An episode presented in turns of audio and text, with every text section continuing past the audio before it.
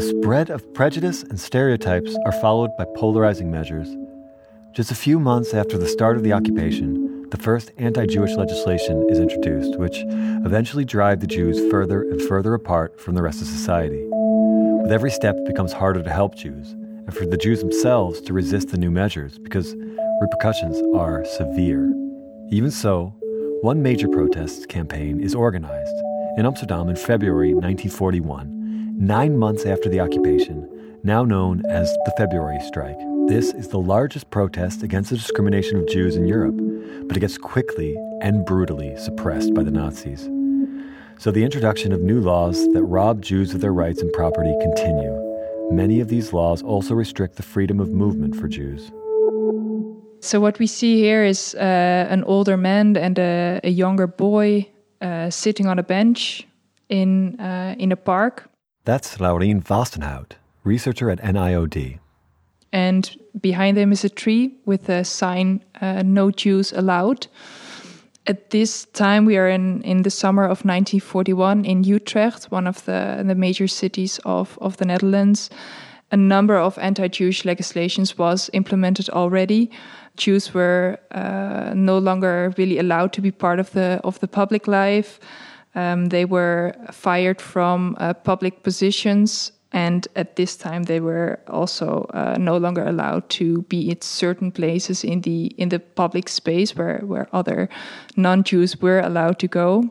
Laurien explains that these legislations weren't always 100% clear for example, um, Jews were no longer allowed to to enter parks, but what was exactly considered a park, and could uh, was a Jew allowed to sit on a bench which uh, was on the edge of the park, or was that not allowed either? So there were a lot of uh, practical difficulties here, and a lot of Jews had questions uh, in this in this regard whether they allowed to to enter certain places. So this is why. Um, a specific committee was established by the Jewish Council of uh, the Netherlands. This Jewish Council, after some time, becomes the only organization that is allowed to represent Jews and to which Jews could turn to for help.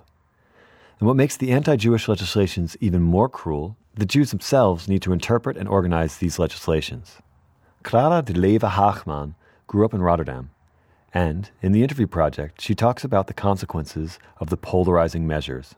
So life became more dangerous. There was a curfew, of course. There were curfew times. Uh, curfew was from, if I remember well, from 10 o'clock at night until 4 o'clock the next morning.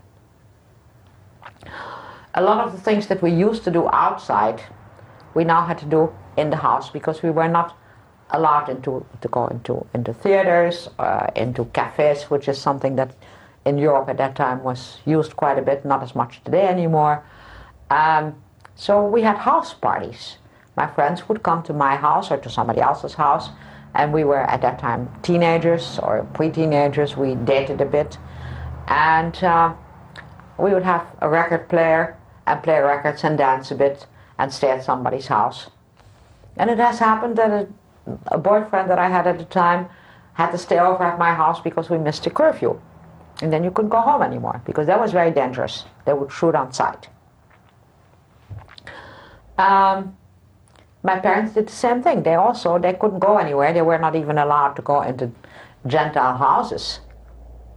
So their Gentile friends came to them. And I had one uncle who was fantastic at playing the piano. So he would play the piano at our house, and we would sing. We would sing English songs, uh, because you know you're not allowed to listen to English radio, which we did anyhow. But nevertheless, you were not allowed to. And that was the way we lived. We lived with the Germans looking over our shoulder, whatever we did. And it was became a more dangerous life. Polarization results in a society in which groups oppose each other.